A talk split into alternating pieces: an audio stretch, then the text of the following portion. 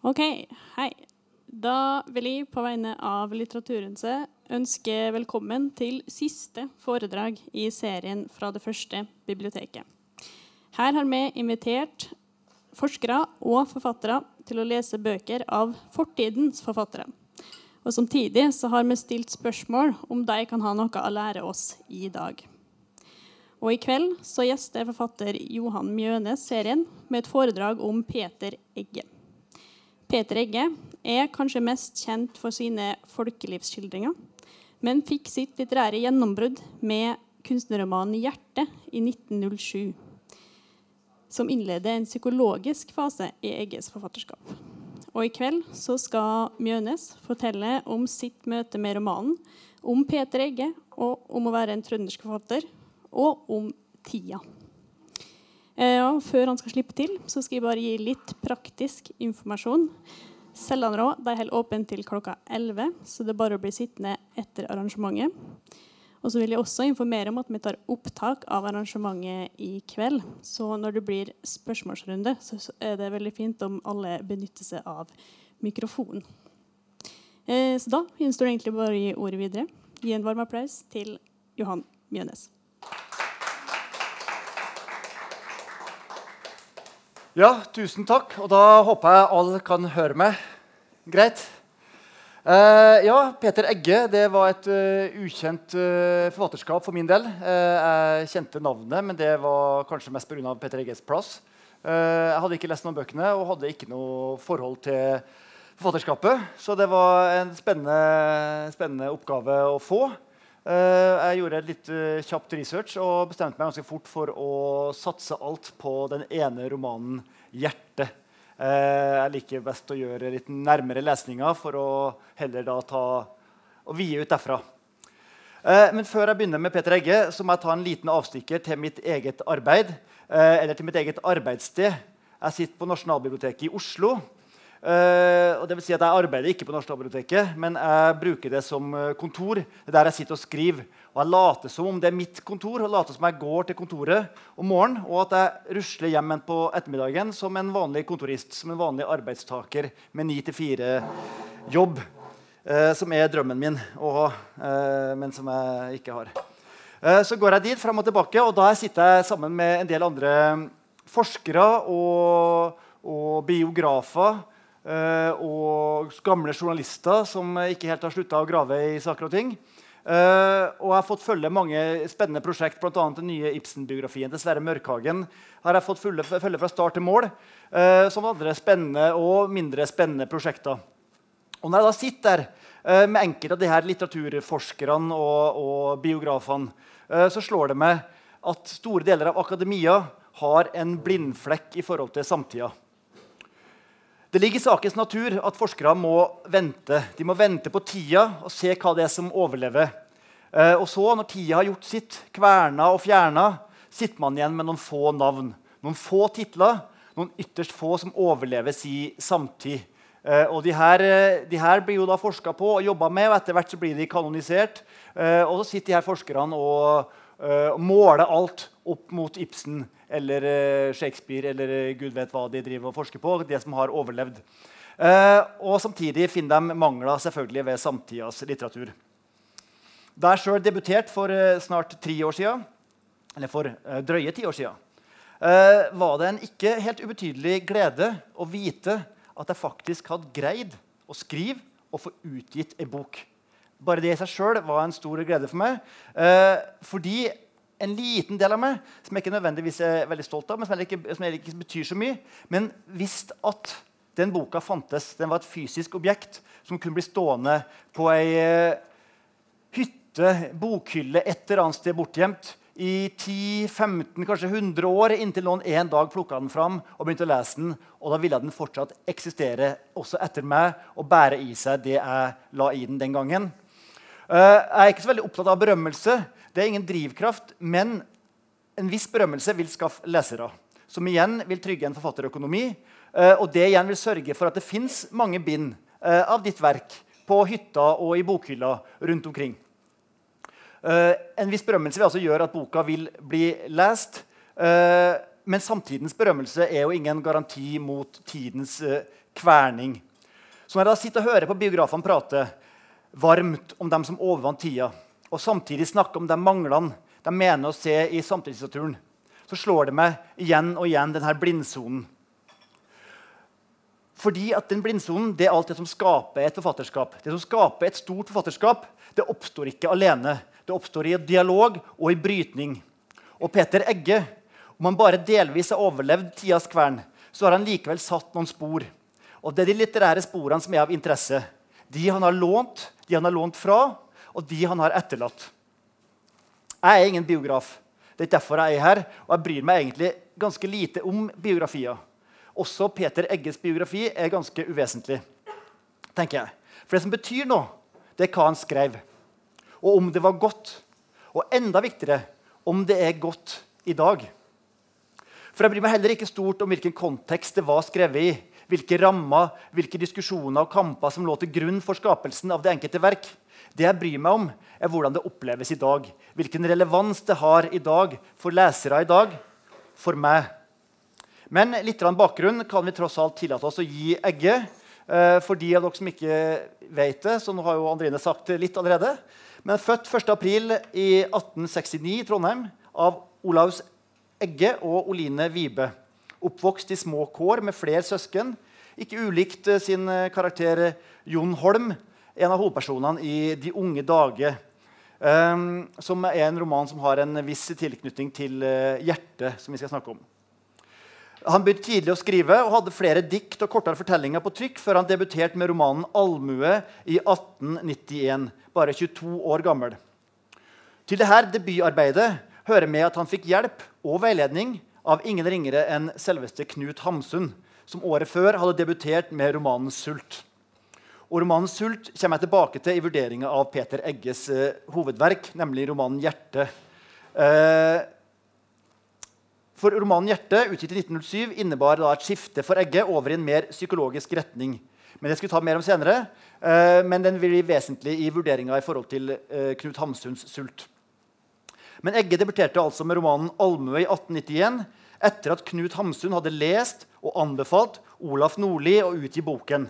Skal vi se om det fungerer her. Om jeg får, uh, får det her til å funke, så skal jeg få lese brevet for dere. Herr bokhandler Nordli. En ung mann. Det er brevet fra Knut Hamsun, altså. Fra Sarp, skrevet uh, 14.9.1891. Herr bokhandler Nordli. En ung mann, Peter Egge, har sendt meg manuskriptet til en trøndersk roman. Jeg må rette noe i den, hva jeg allerede er i arbeidet med, men den er av den ikke bare alminnelige verdi. Den er naivt skrevet her og der, men det kler den, og i det hele taget er den usedvanlig lovende. Nå ville jeg forhøre hos dem om de kunne tage dem på forlag. Jeg kunne gjerne skrive et forord i den, men jeg har jo ingen autoritet. Dette foreløpig. Jeg kunne senere sende dem manuskriptet de må svare straks, da det gjelder jo om å få boken ut til jul. Hilsen Knut Hamsun. Eh, etter litt om og men så hiver de seg rundt og får boka ut til jul. Eh, da er Peter Egge så nervøs for at uh, ingen skal rekke å anmelde det. Så han skriver rundt til datidens anmeldere og, og tigger nærmest etter anmeldelser. Han får mange til slutt. Men ikke av Knut Hamsun, som hadde lova å skrive en anmeldelse i Dagbladet. fordi at Knut Hamsun i mellomtida hadde rukket å bli såpass upopulær pga. de foredragene han holdt, hvor han eh, delvis trakasserte Ibsen og andre. Eh, så han mente sjøl at han ikke ville gjøre Petter Egge noen tjeneste ved å anmelde boka. Eh, Knut Hamsun hadde tidligere lest noen dikt av Egge. Og han hadde lest den uferdige romanen 'Allmue'. Eh, og ga da, Før dette brevet til Olaf, eh, Olaf Nordli så ga han Egge et eh, råd. Og Det var som følger Det var første brevet fra Knut Hamsun til, til Peter Egge. Reis ut. Sitt ikke hjemme og pusle med deres manuskript og bli poetisk stemt bare de ser en blomsterpotte. Ta en tur til sjøs. Kom så hjem og gå manuskriptet gjennom og send meg det, så skal vi se. Eh, jeg skal senere holde forelesning om roman som sjanger på skrivekunstlinja på Nansen-skolen. Da skal jeg iallfall ikke være redd for å gi noen harde råd. kjenner jeg. Det er bare å sende dem til sjøs hvis jeg ikke er fornøyd med det. Eh, men boka kom altså ut til blanda kritikker. Eh, og Egge selv sier noen år senere at han var altfor ung og uerfaren og unnskylder Hamsun og Olaf Nordli med at de var det samme ung. Men til tross for blanda kritikk Jeg skal lese hvordan Morgenbladet avslutter det her også. Skal vi se på side, Det på side 29. Et øyeblikk her. Er, der har vi det. Morgenbladet får han altså følgende avslutning i anmeldelsen. Er boken således lidet at anbefale som underholdningslesning, kan dens verdi som samfunnsskildring neppe heller settes særlig høyt. Dertil ser forfatteren for tørt og flatt på sitt stoff. Hans oppfatning når ikke noe punkt verken høyere eller dypere enn ordinære hverdagsmenneskers. Vil han oftere opptrede på den litterære skueplass, vil det være ønskelig både for ham selv og andre at hans bagasje var litt mer interessant.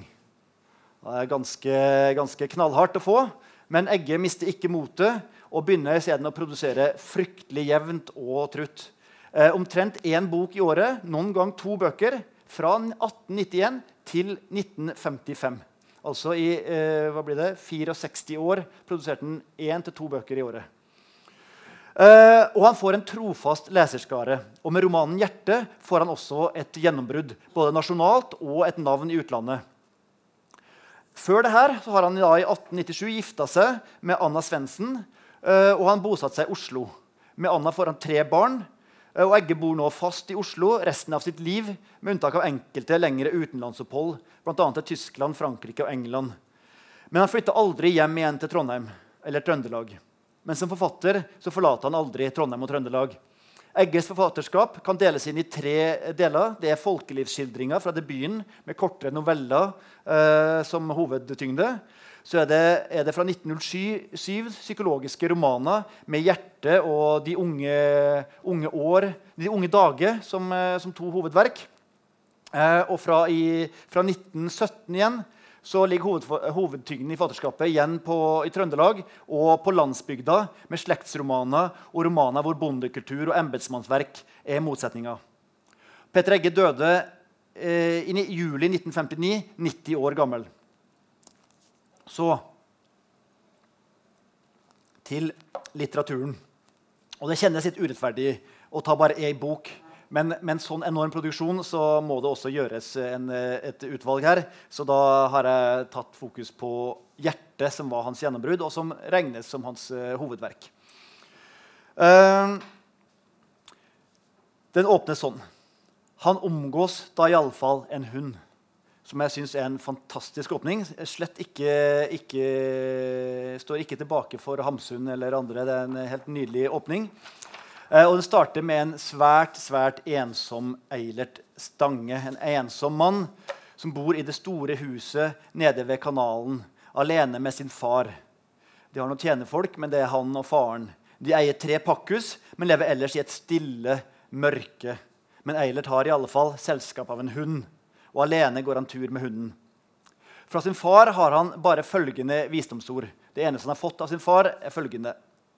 Min far og bestefar mente som jeg, Eilert. De viste det i sitt liv. Der gis bare én lykke hvis det gis noen, og den heter arbeidet. Tro du meg, det øvrige folk kaller lykke, er bare en rus som gir en lang og besk efterrus. Det skal gå gjennom boka som et slags mantra. Det gis bare én lykke hvis det gives noen, og den heter arbeidet.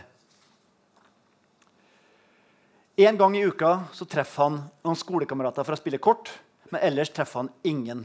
Kjæle bare med sin store ensomhet i det store, mørke huset.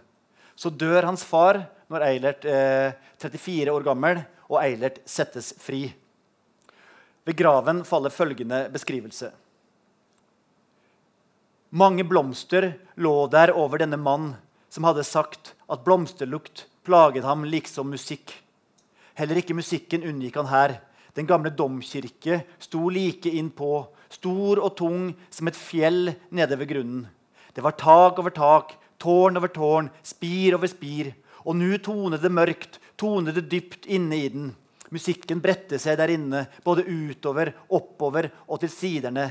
Hele fjellet ble fullt. Vegger og søyler og tårn og spir ble orgelpiper i hvis mørke tonene romsterte, lukket inne mot solen og den kravlende hverdag. Dette er virkelig flott. Eh, jeg var kommet så langt, så kort inn i romanen så jeg at dette er en virkelig skjult perle. Eh, jeg var ordentlig begeistra. Eh, og bare det siste, 'Den kravlende hverdag', syns jeg er et fantastisk bilde. Så fortsetter det. På sine spaserturer har Eilert Stange flere ganger sett en ung pike. Og nå, når han står der ved farens grav, så ser han henne igjen. Han ser piken og følger etter henne inn i domkirken, inn til musikken. Eh, romanen 'Hjerte' er omtalt som en kunstnerroman. En omtale som man eh, liker å slenge på romaner av en eller annen grunn hvis en av karakterene driver med musikk eller et eller annet kunstlignende yrke. Eh, jeg har aldri helt skjønt begrepet kunstnerroman. Uh, annet enn at uh, musikk spiller en stor rolle i denne boka. her. Dette er en roman om kjærlighet og ensomhet. Kunsten er bare et, uh, et håp, et løft om noe annet. han ser piken og følger etter henne inn i domkirken, inn til musikken. Og Det viser seg at det er hennes bestefar som spiller. Og hun lever med sin bestefar da hennes foreldre er døde, og Eilert blir stående og lytte til musikken til herr Åge Stral og blir invitert hjem til dem. Eh, de har ikke så mange, de heller, i sitt liv. Og når det da står en og lytter til musikken, så tar Åge og inviterer han rett og slett med hjem. Eh, og Eilert blir da en fast gjest i huset til Åge og Kirsten. Uh, og etter en stund med de kvaler som han hadde den gangen, og ærbødige tilnærmelser, og den type, så, så, tar han mot til seg og skriver et brev og spør den gamle om da sønnedatterens hånd. Noe han får. For Eilert har bestemt seg for det, at han skal ikke bli som sin far. Han skal ikke oppgi alt til arbeidet. Men Eilert er sjalu. Eh, med en gang Eh, og uten noe særlig oppbygging så skjønner vi at han er sjalu på forholdet mellom Kirsten og bestefaren.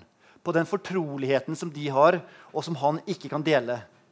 Og han er sjalu på musikken, som han ikke kan trenge inn i den verden som de to deler gjennom musikken. Så Eilert legger en plan. Uh, og det er en plan som, som for Eilerts del er både egoistisk og uegennyttig samtidig. Han oppfyller den gamle mannens ønske. Eilert besørges, og Åge Strahl får muligheten til å reise ut på kontinentet til å spille. Eh, for Eilert, eh, Åge Strahl er da organist i domkirka og komponist. Eh, og fanget i, i, på sin stilling her ved domkirka. Men drømmer om å komme ut og få vist musikken sin, komposisjonene sine, til, til sine samtidige komponister i utlandet. Uh, og, og, Det er den store drømmen som, uh, som da Eilert uh, oppfyller for han. Med det baktanken da å splitte bestefar og sønnedatter.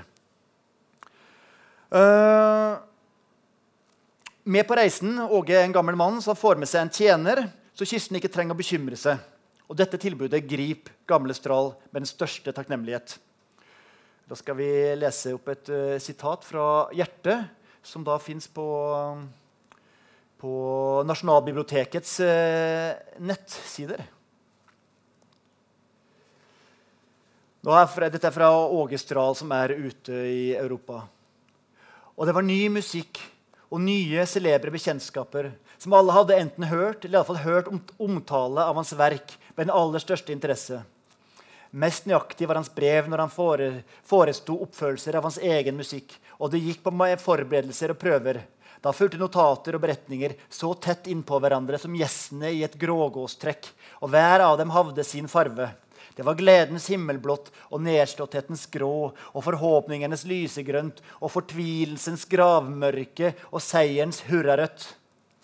Et ark hadde omstendighetenes innfiltrede tråder. Men det neste, enten det nå lå i samme konvolutt som forrige, eller i sin egen, det kunne hende at det bare hadde hastens korte, pipende åndedrag. Men alltid ga han seg god tid når han skildret steder hvor slekten hadde levet og virket.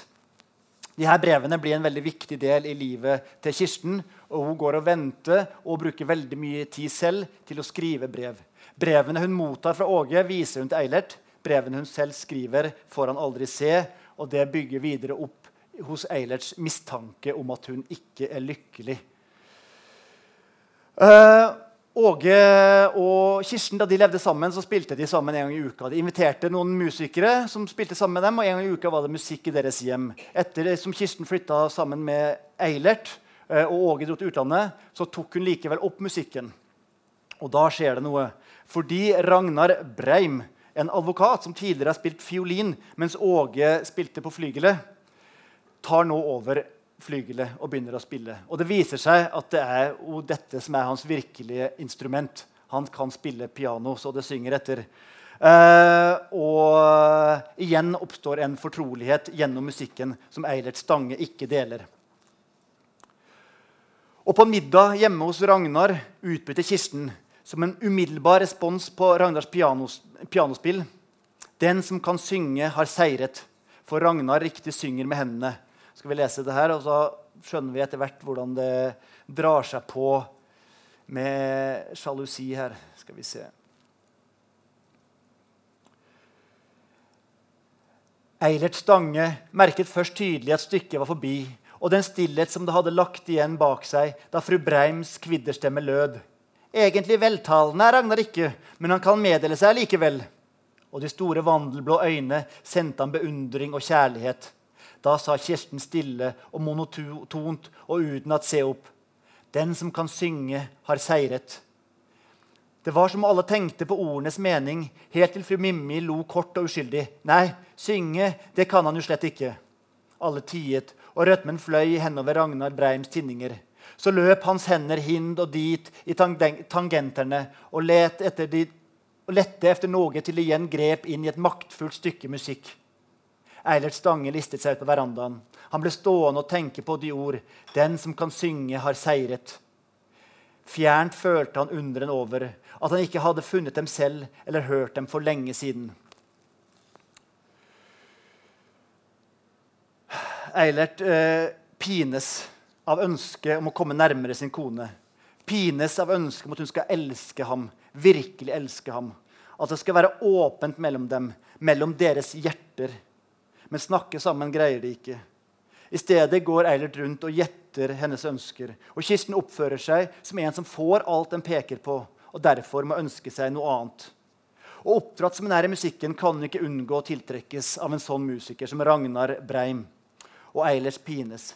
Han har sendt vekk Åge Strahl bare for å oppleve at, han, at hun fortsatt ikke er hans.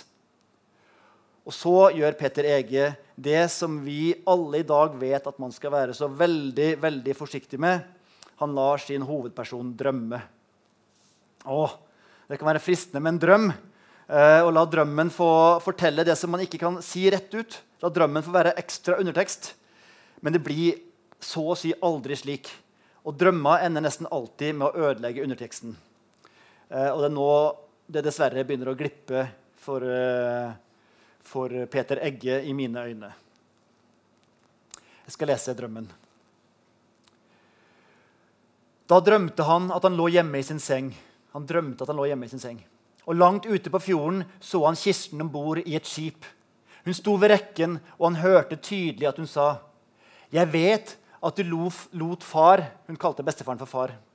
Far reiste for å beholde meg alene. Du fikk far til å ta avskjed fra sin stilling fordi du trodde at han da ikke skulle komme tilbake mer. Du antok at de nye, store forhold der ute og vinning og berømmelse skulle få ham til å glemme meg, så han ble borte. Men du lot hans hjem stå for å ta min mistanke bort. Jeg har gjennomskuet deg. Du spiller den store og frikostige og er en liten, misunnelig og beregnende person. Skipet hadde stavnen vendt utover, men det drev nærmere og nærmere byen og ham som lå i sin seng. Plutselig oppdaget hun dette, og nå ga hun seg til å løpe fram og tilbake langs rekken og var angst og kavede med begge hender mot ham. Hun ville løs, ville bort, og nå skrek hun, 'Jeg blir aldri din, for du kan ikke synge.' Han så at hennes brev til Faderen lå spredt utover sengen, alle dem som han ikke hadde lest, og på hvert av dem sto der med store bokstaver. Han vil ha et barn, og det skal jeg skaffe ham. Men det blir et liksom Faderen, et som ikke kan synge, og det vil jeg ikke skaffe ham. Da støtte skipet med hele siden mot moloen og knustes og sank. Han hørte henne skrik. 'Å, far!' Eilert, Eilert Stange våknet. Eh, ja, det her egget mister meg. Uh, eller det her det begynner å slå sprekker. For hittil har det vært veldig bra, syns jeg. Uh, og det har gitt meg assosiasjoner til både Hamsun og William Heinesen, store færøyske dikteren.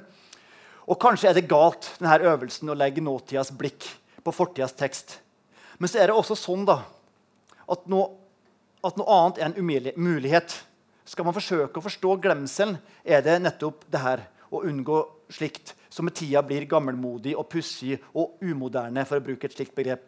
For denne drømmen den lar altså ingenting være igjen til fantasien. Den fjerner alt som så langt har begynt å leve mellom linjene.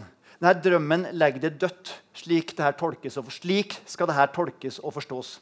Nyansene forsvinner, tolkningsrommet forsvinner, og teksten blir flat som boksida. Og det som var av litterær verdi, forsvinner.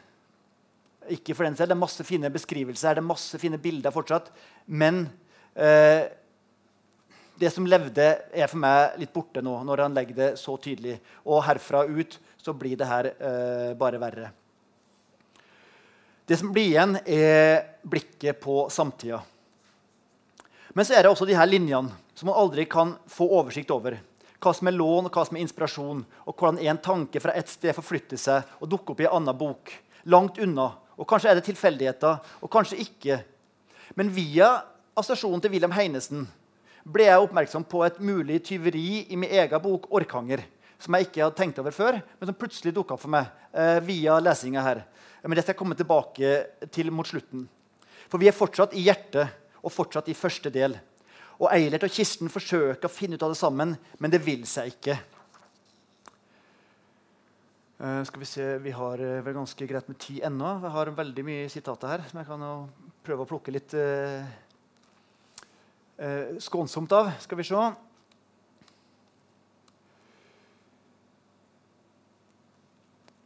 Mm, 76 utpå kvelden. Beklager.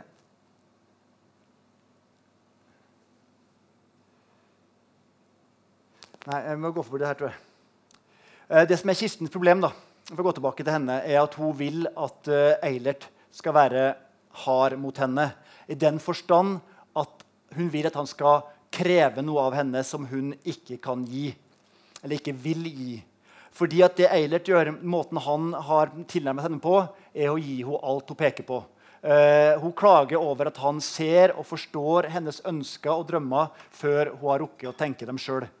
Uh, selv om, hun i, selv om Eilert eh, har måte, sine kvaler om eh, hvorfor han har sendt bort Åge, og Kirsten også måte, har en forståelse av det, så er det også samtidig Åges største drøm. Og hver gang Kirsten ønsker seg noe, så er han der.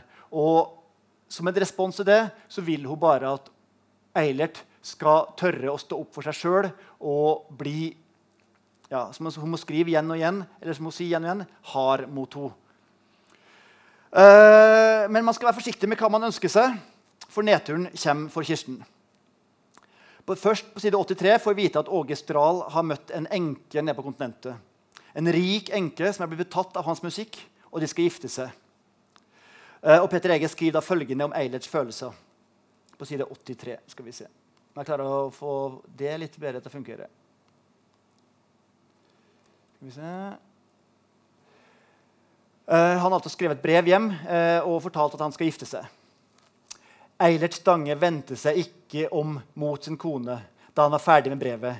En lystig djevel inne i ham gjorde himmelsbrett. Eilert Stange kunne ikke trøste her. Og det er sånn, Vi kunne godt ha forstått at han var glad, men jeg hadde ikke behøvd å skrive at han gjorde en djevel inni ham gjorde himmelsbrett. Det blir litt for i overkant. Eh, men her har nedturen begynt for Kirsten. Eh, en annen ting, Jeg syns også det er ganske dårlig underbygd, den hele den sjalusien overfor bestefaren. Eh, jeg forstår det ikke, og det er en av de tingene som jeg kanskje, hvis jeg skulle gått tilbake og gjort en grundigere analyse av denne teksten, så ville jeg prøvd å se om det var noe i åpninga som kunne underbygge den øh, sjalusien overfor bestefaren. Eh, for den skjønner jeg ikke som noe annet enn en sjalusi som egentlig dreier seg om at han ikke forstår fortroligheten hun har til bestefaren, og dermed frykter at han ikke kan få henne. Men det er bare de to som snakker forbi hverandre. Men det er, litt, det er en annen historie. Eh, men de blir foreldre, Kirsten og Eilert. Eh, de blir foreldre. Uh, og Eilert uh, henger seg opp i en formulering når han spør hvordan går det med henne nå. og de snakker sammen. Så skriver, sier uh, Kirsten til Eilert «Nu har jeg det alltid godt. Og da mister han det igjen fordi han blir så opphengt i det ordet «nu», som han da ser på som en innrømmelse og en, og en, en påstand om at nå har hun det godt. Det vil Si hun har ikke alltid hatt det godt, ikke hatt det godt før, eh, men hun har det godt nå pga. barnet. Eh, og I sinne så går han da ut av rommet og tenker at hun har tatt fra han en liten glede også ved gutten som, har fått, som han har fått. Eh, så han er en veldig, veldig vanskelig type. En steil og vanskelig type. den Eilert. Og han blir etter hvert bare hardere og hardere mot Kirsten, som hun ønsker seg. Så er det kanskje ikke det hun ønsker seg likevel etter hvert. Men jeg blir som leser ganske matt da, av den tvilen til Eilert at han ikke klarer å stå i det. At han ikke klarer å akseptere at hun sier at hun har det godt, at hun prøver å ha det godt, uh, og at hun uh, ønsker å få det godt med dem. Uh, så går Eilert hele tiden rundt og tviler og, og tværer på hvert eneste ord, vrir og vender på det og diskuterer det med oss leserne. Og jeg får litt lyst til å riste Eilert. da. Til å riste han skikkelig, Få han vekkende opp og si for Guds skyld Du vet jo at du ikke er lykkelig. Men nå sier du at den er det. Kan du ikke bare forsøke å ta utgangspunkt i det? Jeg kjenner at det koker litt i meg et par ganger. Eh, så kommer det et par oppramsende kapitler hvor de får høre mer om forretningslivet til Stange. Får høre om hvor steil og hard han er i næringslivet, og hva han gjør for Ragnar Breim. For Eilert Stange er en person som har skjønt det, at man skal holde sine fiender nær. Um, han gjør Ragnar Breim en stor tjeneste og gir han jobb som sjef i banken som han eh, er med å starte opp, uh, godeste Eilert Stange. Uh, og begynner å gå på jaktturer lignende med han og knytter han ganske tett til seg og låner han penger og hjelper han økonomisk. Uh, og gjennom det gjør det samme som han gjorde med bestefaren. Han uh, skaffer seg en viss kontroll over sin rival. Tiden går. Det kommer et barn til, og Åge Strahl kommer hjem fra utlandet syk. På sitt uh, kontor får Eilert besøk av sin avdøde far, som uh, også er litt ikke, så, ja, ikke, nødvendig, tenker jeg, men, men også så sier, har han en liten samtale med sin far på kontoret. Uh,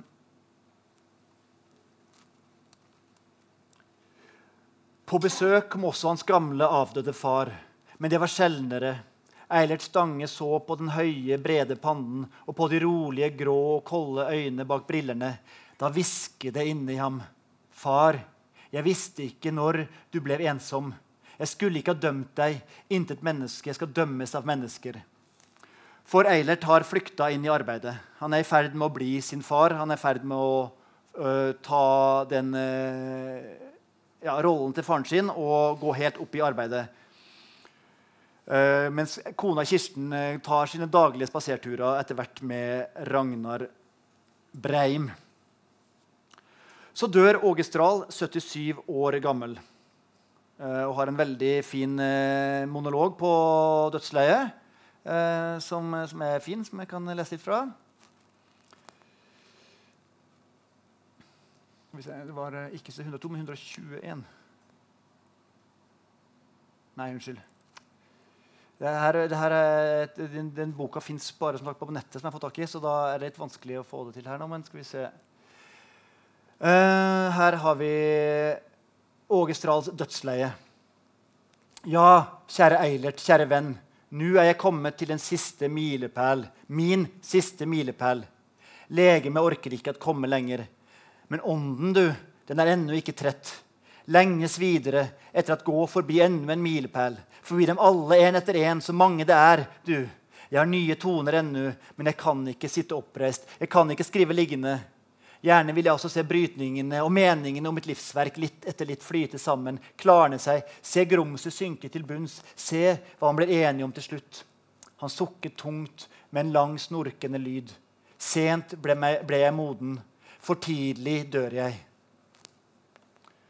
Og det er sånne, så det er masse sånne fine sånne som jeg måtte slå opp og undersøke. Er det noe han har lånt et sted fra? Det, hvor kommer det fra? Det er masse flotte formuleringer.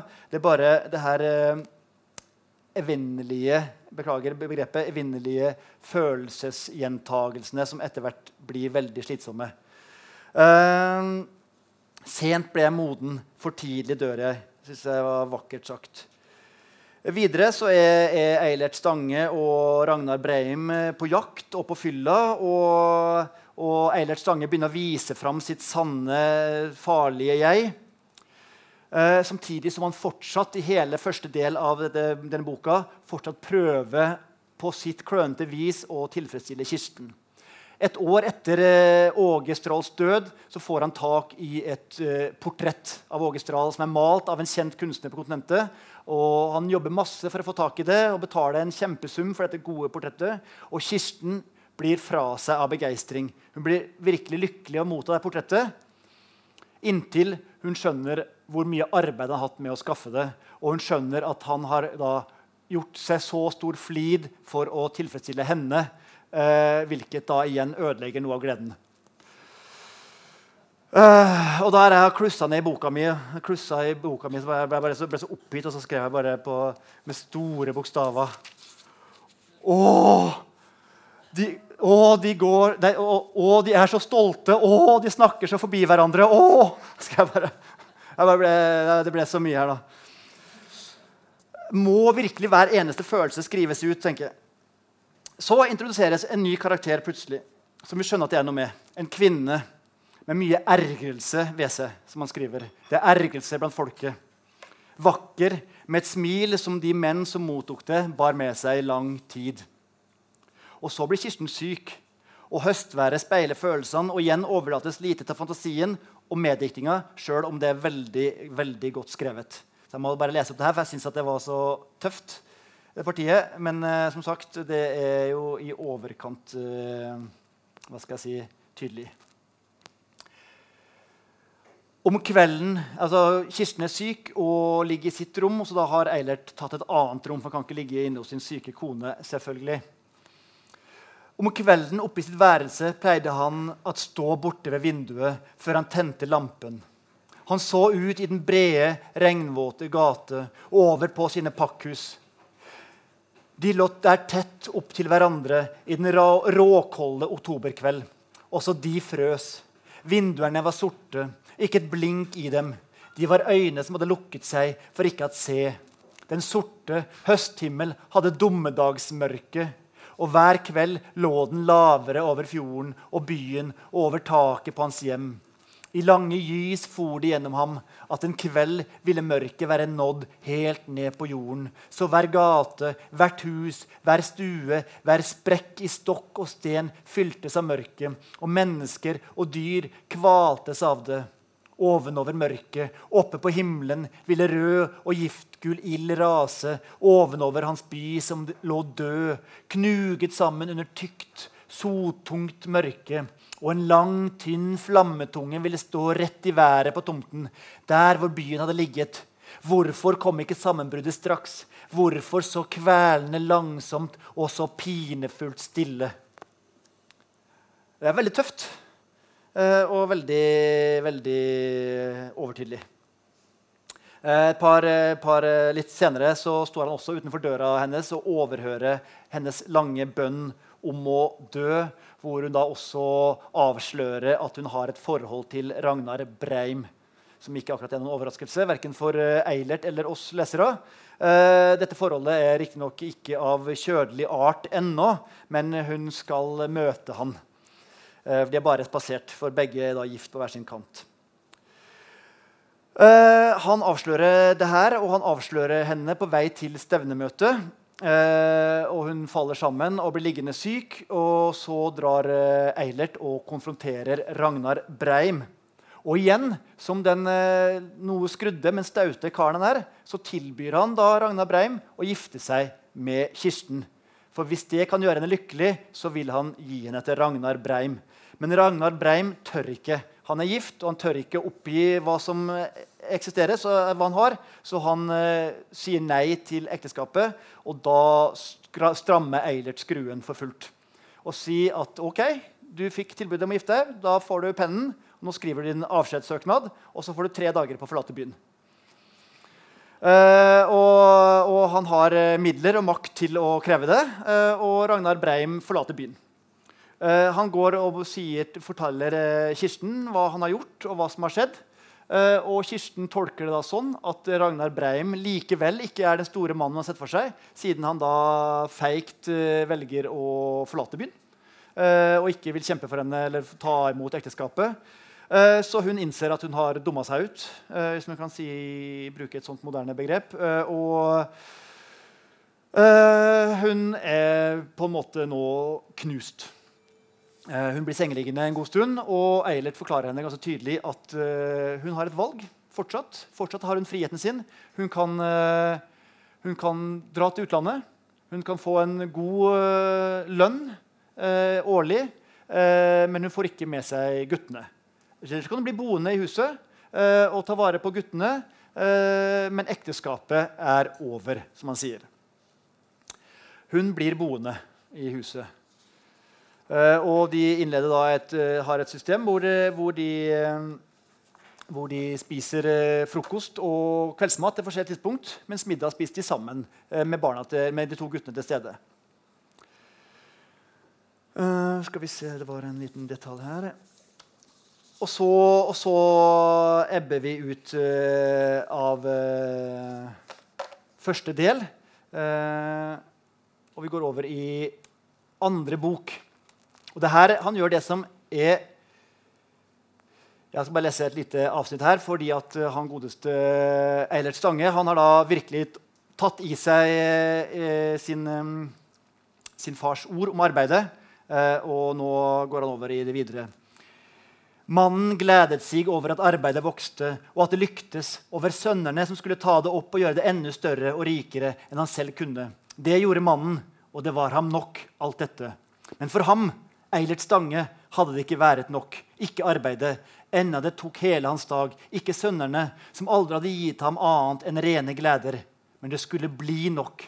For han som for tusen andre menn, for nu var håpet og gjøglet forbi.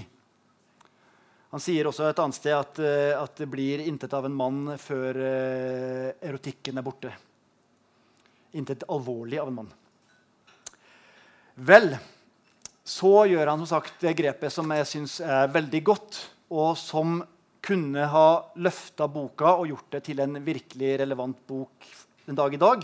Hadde det ikke vært for det evinnelige følelsespjattet. Uh, det er at han snur perspektivet. Første del har vært eh, Eilert Stanges perspektiv. Nå snur det og er Kirstens perspektiv.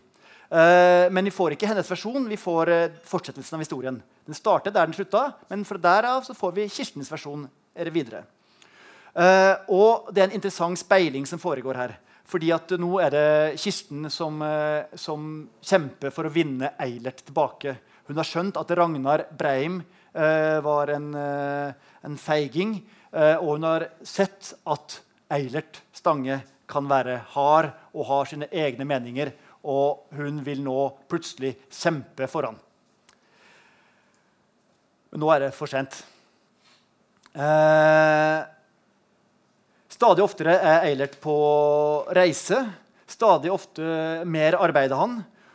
Og kvinnen som da brått ble introdusert eh, Jeg nevnte henne, ikke sant? eh, begynner å jobbe på kontoret hans. Og Samtidig som dette foregår, så innser Kirsten dypere og dypere at hun elsker Eilert. Men Eilert er nå blitt så hard og sier at han oppgir ikke folk så lett. Når han først har gjort det, da er det for godt. Og han involverer seg med den nye kvinnen og får et barn med henne. Og sender henne til England, for han er blitt en ganske hard mann. Så når hun er blitt med barn, så sender han henne til England. Eh, men hun er syk og får lov til å komme hjem. Legene mener at det er best å være i sin hjemlige luft. Så han kommer hjem og han bygger et hus til henne oppe i skogen, så ingen skal vite at der har han eh, denne kvinnen og dette barnet. Men Kirsten finner selvfølgelig ut av det og ser at det er et barn. Og da hvisker blodet hennes. Når vi er snart nærmer oss slutten nå. Jeg tar et langt hopp. Det sier 228. Det måtte, være, det måtte være et liv der nede. Et barn. Her var et barn. Kirsten, Kirsten, ble stående og se på denne vogn som gled frem og tilbake, rolig og regelmessig, som åndedrettet hos en sovende. Den trollbandt øynene. De kunne ikke slippe, som om de var fanget inn av et slangeblikk. Og ikke bare øynene, men hele skikkelsen sto stille. Blodet også, som hvisket. Fortrengt, fortrengt, erstattet hans barn. En skygge slo ned mellom trærne, som om en store vinger hadde bredt seg der, der ovenfor. Og for første gang i dag frøs hun. Der steg skygger opp av jorden også, og kold pust fulgte med. Da rørte hun seg, tok noen skritt bort fra grinden. Hun hadde trang til å legge seg ned. Men hun var, jord, var, var redd jorden, redd skyggene, og de kolde pust fryktet også å bli oppdaget. Og Dette er da 17 år etter sult. Eh, det er nesten 20 år etter blodets hvisken og benpibernes bønn. Ja, hele det ubevisste sjeleliv. Og det er ikke dårlig, det her, på ingen måte. Eh, men det er bare så altfor mye. Og der, eh, der Hamsun eh, lar det være fryktelig mye åpent for leseren, så lar Peter Egge det være fryktelig lite overs for leseren. Men vi fortsetter med gjennomgangen av hjertet. For Eilert er ikke lykkelig. Han er ikke lykkelig til tross for at han har denne kvinnen, syke kvinnen gjemt oppe i en hytte i skogen. så er han ikke lykkelig, og kvinnen dør. Og barnet plasseres hos en forpakter, og Eilert blir syk. Og da er det at eh, Nå har jeg, et, nå har jeg gått, gått, veldig raskt gjennom slutten her. da. Eilert blir syk, og Kirsten fjerner da alle spor etter bestefaren. Det maleriet som han har kjøpt, som hun elska, det selger hun. Alle møblene, alle, alle øh, notene, alt etter bestefaren kvitter hun seg med. Det selger eller gir bort. Så begynner hun en dag hvor pleieren er syk, så begynner hun å stelle sin syke mann. Og han vil ikke ta imot stellet. Eh, han mener at, at, at, han må være vemmelig og vaske føttene på, men hun gjør det allikevel. Hun begynner å stelle han. Eh, og når han da etter lang tid klarer å karre seg ned i stuen og ser at hun har fjerna det museet av sin bestefar Åge Stral, eh, så sier hun bare til han de døde får klare seg selv. Det er de levende som trenger hjelp. Og så, mens Eilert fortsatt er syk, eh, så henter hun barnet hos forpakteren. Dette barnet hun fikk med den andre kvinnen. Og Da kommer Eilert ned og ser det at uh, dette barnet er kommet, og hun sier at hvis det er greit for deg, så er det greit for meg. Og så rekker de hverandre hånden, og så gråter de, og så gir Eilert Stange seg endelig over. Uh, skal vi se vi må lese slutten også. For det er jo også så veldig fint. da. Jeg må innrømme at jeg ble ganske rørt. Selv om, det, selv om jeg nå på en måte fjoller litt bort, så ble jeg også veldig rørt da jeg leste slutten. Uh, fordi at Eilert Stange han gir seg ende over og han sier, 'Jeg er en slagen mann.'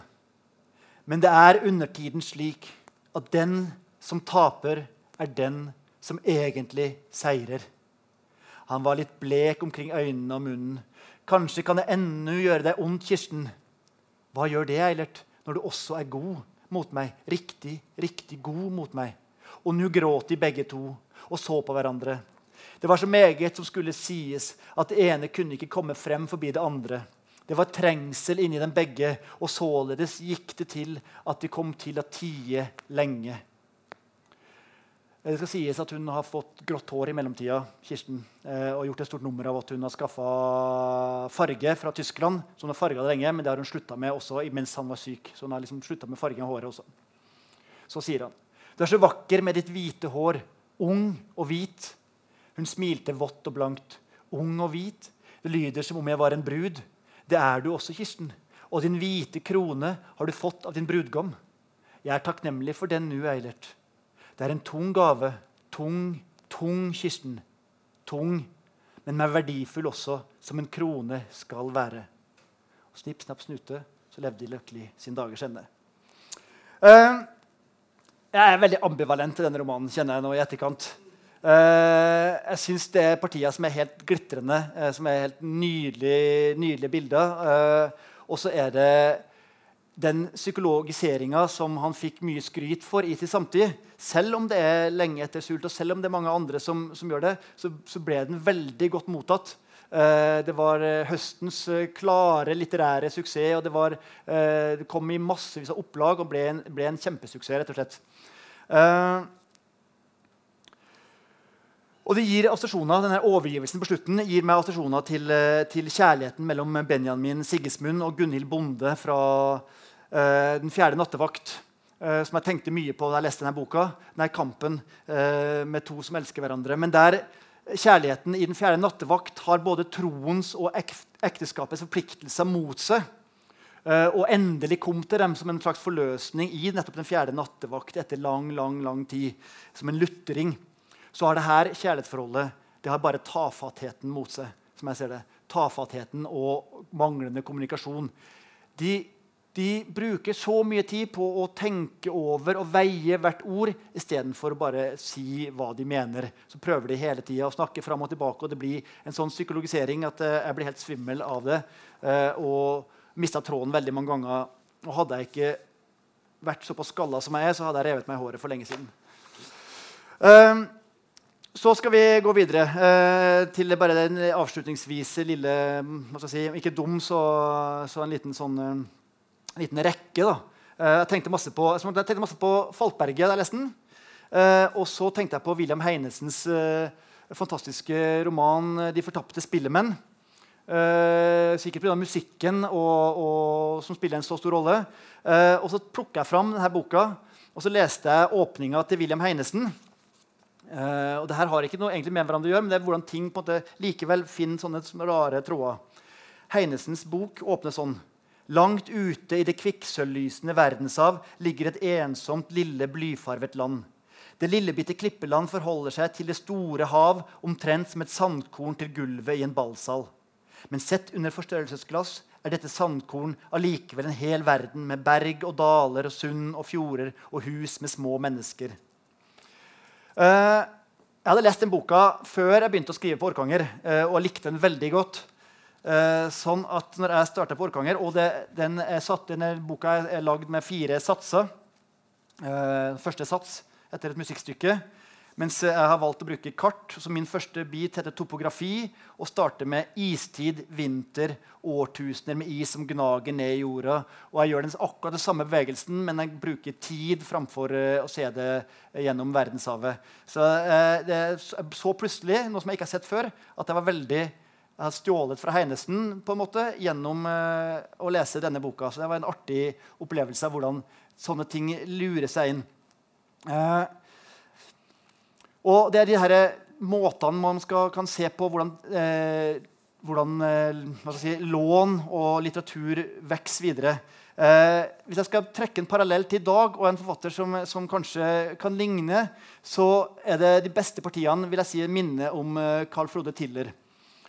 Uh, hvordan Eilert er så innmari innfull, og hvordan de rammer hverandre i dialogene hele tida. Og hvordan de på ingen måte noen gang klare egentlig å snakke med hverandre. Men hele tida snakke forbi hverandre og ikke greie å si det som egentlig betyr noe for dem, selv om de ønsker det. Men der igjen da, der Tiller i større grad la nettopp dialogen få tale, forklare eggen, egget hver setning. Uh, hvor hver eneste, hvert ord og hver setning blir gjenstand for lange overveielser og betraktninger. Både i forkant og etterkant. Og Både Kirsten og Eilert har det på samme vis i hver sin del av boka. Selv om de to delene har en ganske sånn distinkt uh, egenart, så har de også det helt til felles at uh, det er den samme måten å, å, veie og vurdere og diskutere og grunne over ord og formuleringer hele veien gjennom. Og det er her som gjør at det stanser for meg det at det, det psykologiske ikke i større grad er overlatt til leseren. For sagt, Det er godt 17 år siden 'Sult' av Knut Hamsun. Og det, Der sult og mysterier og det tidlige verket til Hamsun er rike på fortolkningsmuligheter, så lukkes de her hos Petter Egge. Kvalene og tankene og drømmene og begjær er alt godt og troverdig og fint framstilt. Men det er nettopp det det er. Det er framstilt. Det er stilt opp for alle å se. Og da er det ikke noe å lete etter. Det blir ikke undertekst igjen. Og kanskje er vi blitt bedre lesere eller mer kjent og fortrolig med det psykologiske spill mellom mennesker i dag. Kanskje. Og slik stoler vi mer på leserens kompetanse til å trekke egne slutninger. Og så er det også sånn at man selvfølgelig verdsetter ting forskjellig. At smak og trender også er i forandring. Og at der teksten lar deg dikte med, så virker den også sterkere. Altså, litteratur oppstår først i møte med en leser. Det er der, det er der leserens egen erfaringsbakgrunn det er det som er den endelige og siste brikken som må falle på plass for at et kunstverk skal finne sin form. Og om det ikke er rom for meddiktning, om det ikke er rom for at leseren kan legge sin erfaring inn i teksten, så vil den heller ikke virke som et åpent kunstverk, men være ganske lukket. Og dette er kanskje et moderne krav. Men det er de bøkene som fortsatt er åpne. Det er de bøkene som overlever, i alle fall i dag. Som har overlevd til i dag som ana en interessante tidsbilder. Etter å ha jobba med Petter Egge nå, så ser jeg at han har stor kulturhistorisk verdi. Men jeg forstår også at etter så mange år at det er andre trøndere man heller ender opp med å lese. Jeg forstår at Olav Duun, Johan Boyer og i mine øyne ikke minst Johan Falkberget at uh, de har overlevd på en litt annen måte. Når det er sagt uh, så driver jeg nå, og jeg har skrevet to bøker med handling fra Trøndelag. Det er de to bøkene som absolutt har gått best for mitt vedkommende. mine voksne bøker. Jeg jobber med en tredje bok fra Trøndelag. Uh, og jeg kjenner på meg at jeg skal lese mange flere av hans folkeskildringer fordi nettopp at det gir et bilde på et tid, uh, arbeidet, hva man drev med, og hvordan man gjorde ting, som man ikke finner så veldig mange andre steder. Uh, så for å lære om tiden den gang så vil jeg lese Petter Egge som research. Eh, men som eh, litteratur så, så, var det en, eh, en blandet eh, fornøyelse, vil jeg si. Takk for meg.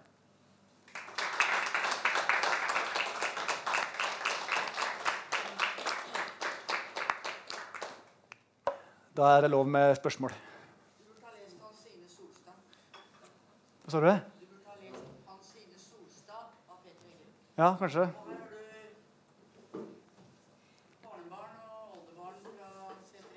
Ja.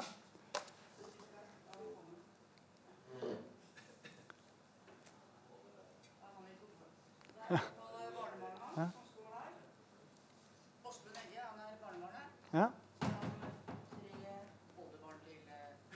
ja. Som er her, alle? Oldebarn? Barnebarn. Jeg beklager at jeg var litt hard i klypa, men eh,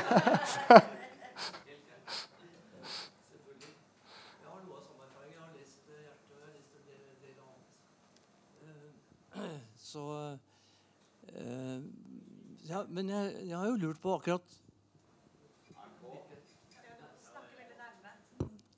uh, Jeg har jo lurt på hva det er som gjør at han i dag er uh, ukjent og død. Som, han var jo veldig berømt i 1920-årene. Mm. Jeg så en gang eh, et utklipp av en, en, eh, en sånn vitsetegning, da, eller en sånn mm. ja, eh, Hvor eh, eh, Peter Egge sitter på en, en troika, tre hester.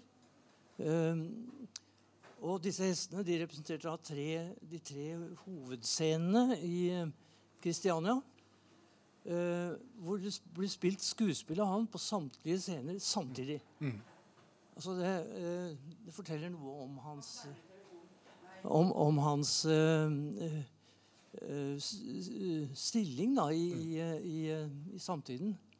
Og, og, det var også en periode hvor det, han var den mest leste eller lånte forfatter på, på bibliotekene. Og så er han altså da i, dag eh, skal vi si, litterært død.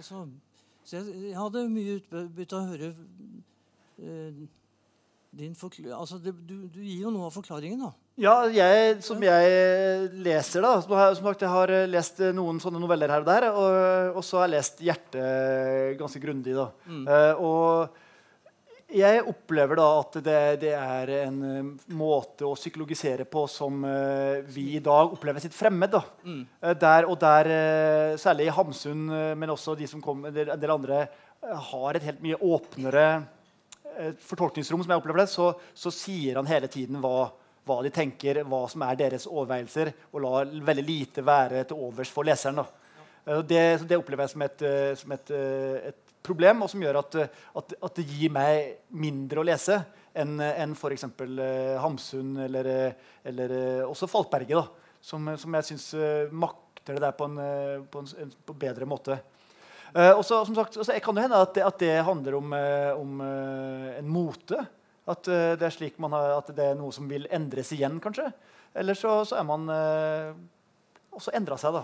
At han var nettopp stor i sin samtid, det er jo på ingen måte noen garanti for å, for å være stor i sin ettertid. Eh, og det er jo de som ikke får oppleve det, men får oppleve den større storheten etter sin død. Så det er jo eh, Han var, han var for øvrig litt opptatt av akkurat det der. Ja.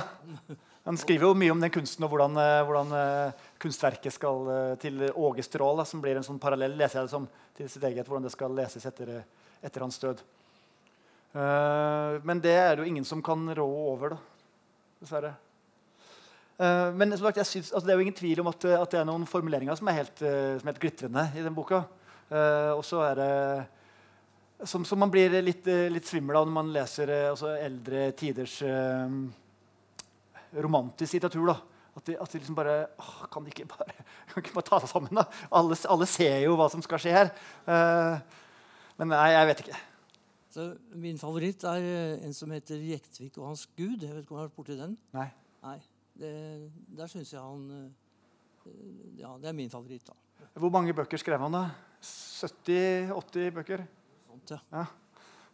Og så skrev han jo da eh, minner i fire bind. Intet mindre enn fire bind. Ja. Så han eh, Ja. Ja, det var enormt produktiv. Kulturhistorisk verdi. eh, Ja, ja, enormt. eh, Og, og um, trøndersk kulturhistorie, ikke minst. Så, så det var det Men sagt, jeg kjente bare navnet hans, ikke noe av litteraturen. Det var, var for meg jo helt, eh, helt fjernt. Så, det, så jeg er, veldig glad for å ha, ha lest det nå. Eh, og sagt, jeg har, jeg kommer nok til å aktivt gå inn i de, både minnene og de folkeskildringene og så, og så stjele, eh, som seg hør og bør. Men, men jeg håper at, at jeg ikke begår de samme psykologiske feilene som jeg tenker, som vi kan si i dag. Da. Eh, sånn som den drømmen, eksempel, som, eh, som ville vært, eh, som vært kutta av en, eh, eh, av en redaktør umiddelbart. Det er, sånn, det, er ikke, det, er, det er ikke lov rett og slett å skrive sånn i dag. Men, eh, men sånn er det jo. Tidene forandrer seg. Kanskje andre som vil eh, kommentere?